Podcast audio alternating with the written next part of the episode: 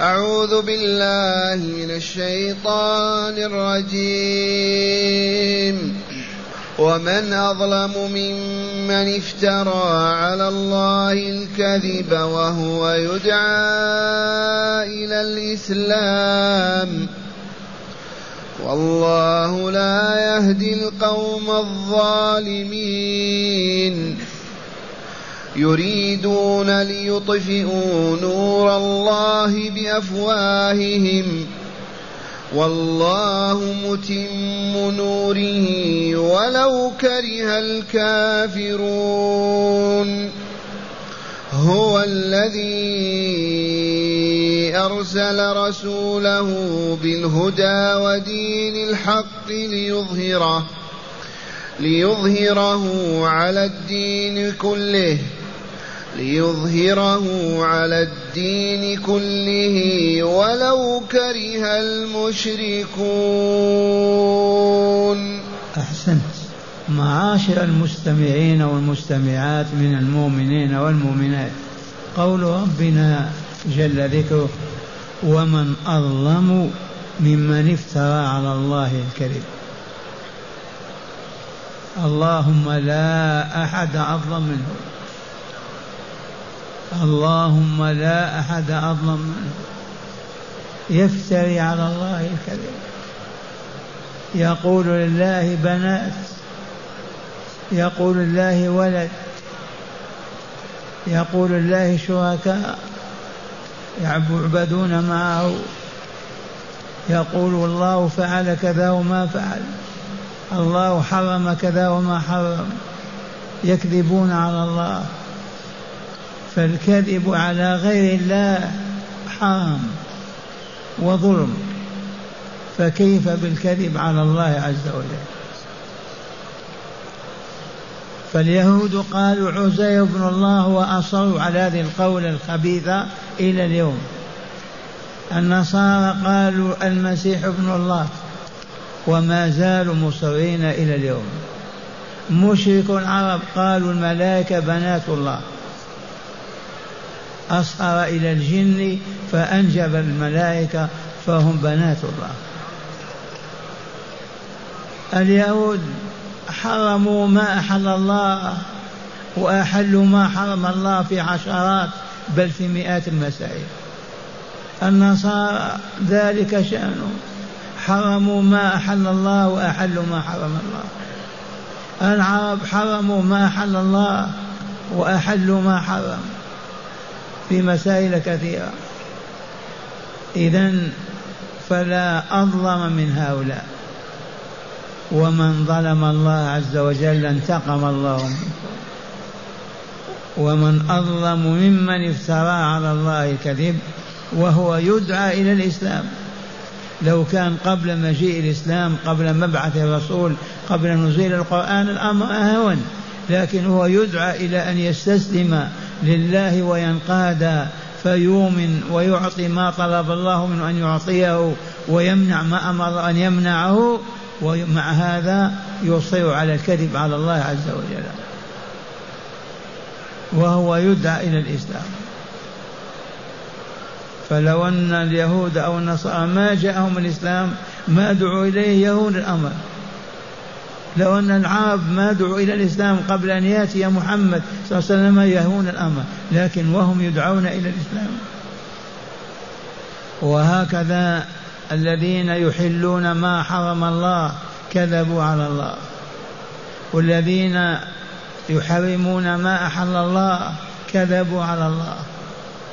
والذين ينسبون إلى الله الصفات الناقصة صفات العجز والجهل والعياذ بالله افتروا وكذبوا على الله. فنبروا إلى الله منهم ونفزع إليه ليحفظنا حتى لا نكذب على ربنا كلمة واحدة. ومن أظلم ممن افترى على الله الكذب وهو يدعى إلى الإسلام ثم قال تعالى والله لا يهدي القوم الظالمين. وقد عرفتم بالأمس كل من توغل في الشر والفساد يحرم الهداية. كل من توغل في الكذب على الله ونسبة الباطل إليه والسحر إليه وما إلى ذلك وتوغل في ذلك سنين ما يهتدي أبدا ولا يسلم. كل من توغل في السرقة في شرب الخمر في الدخان والعياذ بالله تعالى وأصر على هذه الجريمة وأبى أن يتوب يأتي وقت لا يقبل الله منه توبة ولا يتوب. هكذا يقول تعالى والله لا يهدي القوم الظالمين المتوغلين في الظلم. وكثيرا ما نقول أنواع الظلم ثلاثة للمستمعين ظلمك لنفسك لا تظلم نفسك. وهل الإنسان يظلم نفسه اي نعم كل الذنوب والآثام والمعاصي تتحول إلى عفن ونتن على النفس وظلمه وهو الذي ظلمها كل ذنب هو معصوة ضد النفس. تصاب بالسواد والظلم والنتن والعفن وتتدسى ويكرهها الله ويلعنها. عبد الله لا تظلم نفسك. أي بارتكاب معاصي الله ورسوله فإن ذلك والله لظلم لنفسها الظلم لغيرك من إخوانك البشر مؤمنين وكافرين. لا يحل لك أن تظلم أحدا لا أن تسبه ولا أن تشتمه ولا أن تأخذ ماله ولا أن تنتهك عرضه ولا أن تؤذيه في بدنه أبدا. حرام الظلم. لا تظلم غيرك. ثالثا أبشع الظلم وأقبحه ظلمك لربك تعالى. يخلقك لتعبده فتعبد غيره وتتحداه. يخلقك لذكر وشكر فتذكر غيره وتشكر غيره وتذكر الله. فالشرك أفظع أنواع الظلم. واسمعوا قوله تعالى إن الله لا يغفر أن يشرك به ويغفر ما دون ذلك لمن يشاء ومن يشرك بالله فقد افترى إثما عظيما. لا تظلم ربك. تأخذ حقه وتعطيه العبد القادر الجيلاني أو تعطيه لرسول الله ولفاطمة. فعبادات الله حقه من أجلها خلقت لتعبده. فإن أنت صرفتها إلى غيره ولو إلى إبراهيم الخليل ولو إلى محمد صلى الله عليه وسلم فقد ظلمت ربك. أفظع ظلم والعياذ بالله وأنت مشرك بهذه الحال. فلنحذر الظلم عباد الله. لا ظلم أنفسنا ولا ظلم إخواننا بني آدم ولا ظلم ربنا. هكذا يقول تعالى والله لا يهدي القوم الظالمين المتوغلين في الظلم. ثم قال تعالى يريدون ليطفئوا نور الله بأفواههم. من هؤلاء؟ الفئات الثلاثة. المشركون أرادوا أن يطفئوا الإسلام يقتل محمد وينهوا الإسلام ويبقوا على جاهليتهم وأصنامهم. النصارى كذلك.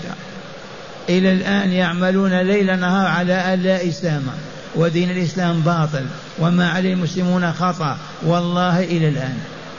اليهود كذلك.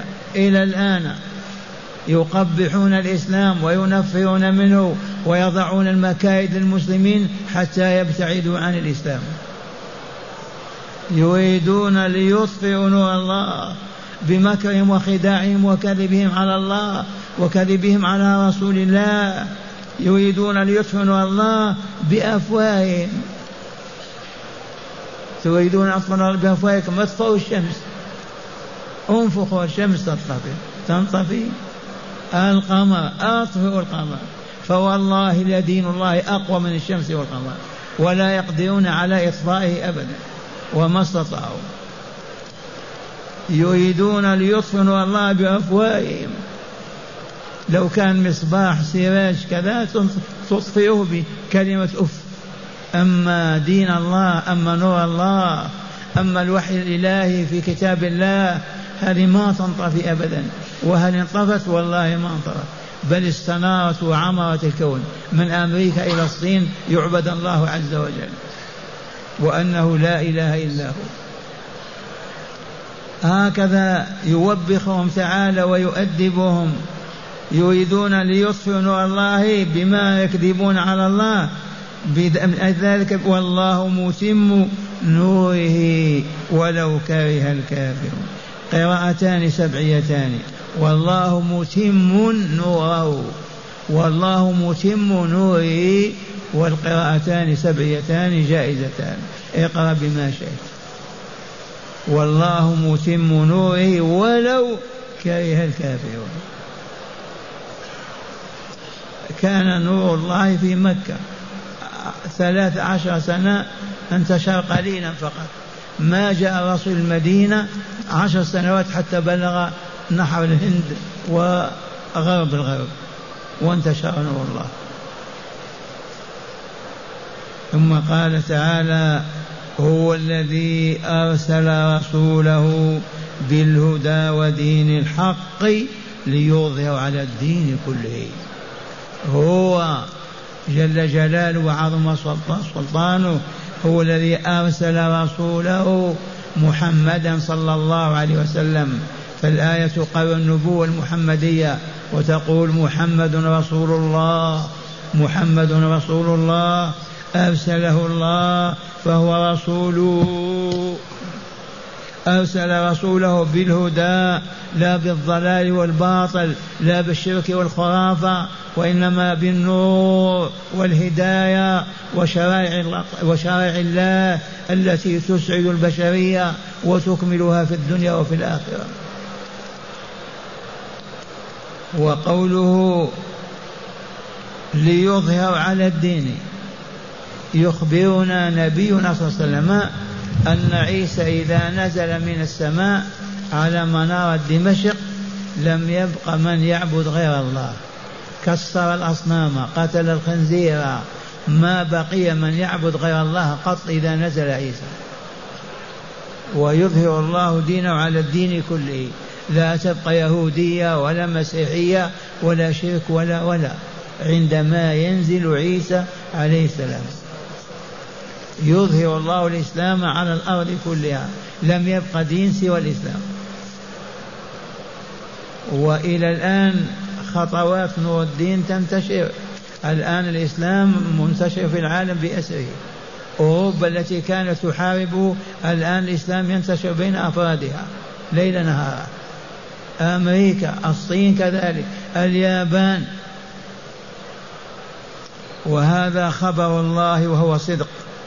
هو الذي أرسل رسوله بالهدى لا بالضلال وأرسله بدين الحق ألا وهو الإسلام. من أجل ماذا؟ من أجل أن يظهره ويقوي وينصره على الدين كله. ما يبقى دين إلا الإسلام. وبين لنا المصطفى صلى الله عليه وسلم أن هذا يتم بكامله عند نزول عيسى عليه السلام. عيسى يكسر الأصنام التي يعبدها النصارى ويقتل الخنزير الذي يأكله و وبين كل ما يتم في ذلك الوقت ولم يبق إلا الإسلام فقط.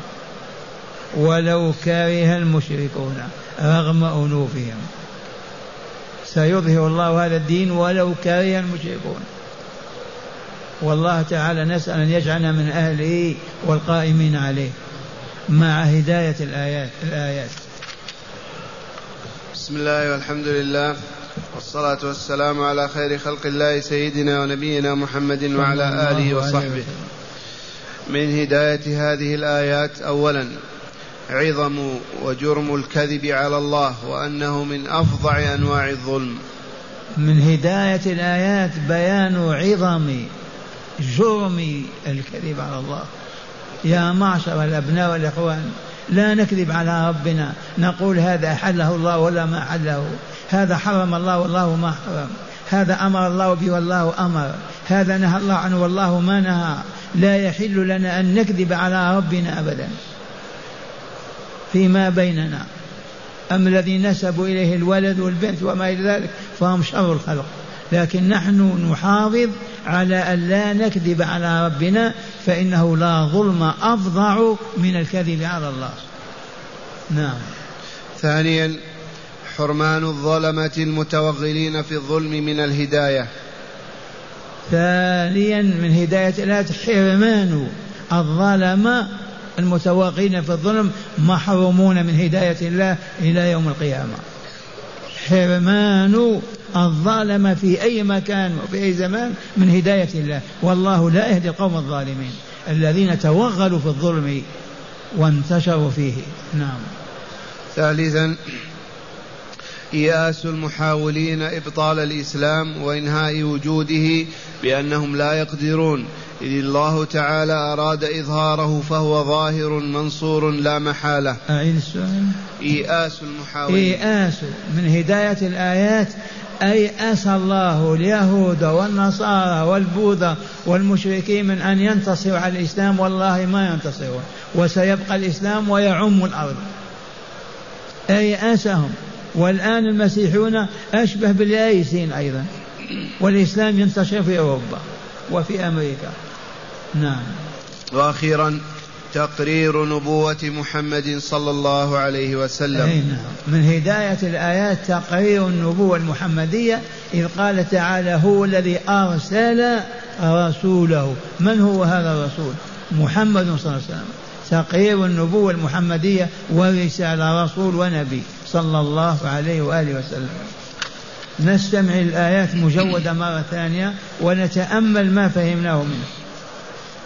أعوذ بالله من الشيطان الرجيم. ومن أظلم ممن افترى على الله الكذب وهو يدعى إلى الإسلام. والله لا يهدي القوم الظالمين. يريدون ليطفئوا نور الله بأفواههم. والله متم نوره ولو كره الكافرون. هو الذي أرسل رسوله بالهدى ودين الحق ليظهره. ليظهره على الدين كله ولو كره المشركون. أحسن. من استطاع من هؤلاء أن يطفئوا الشمس يطفئونها بأفواههم أو القمر. ما يستطيعون. فوالله ما يستطيعون يطفئوا نور الله والله أراد أن يتمه. نعم. بسم الله.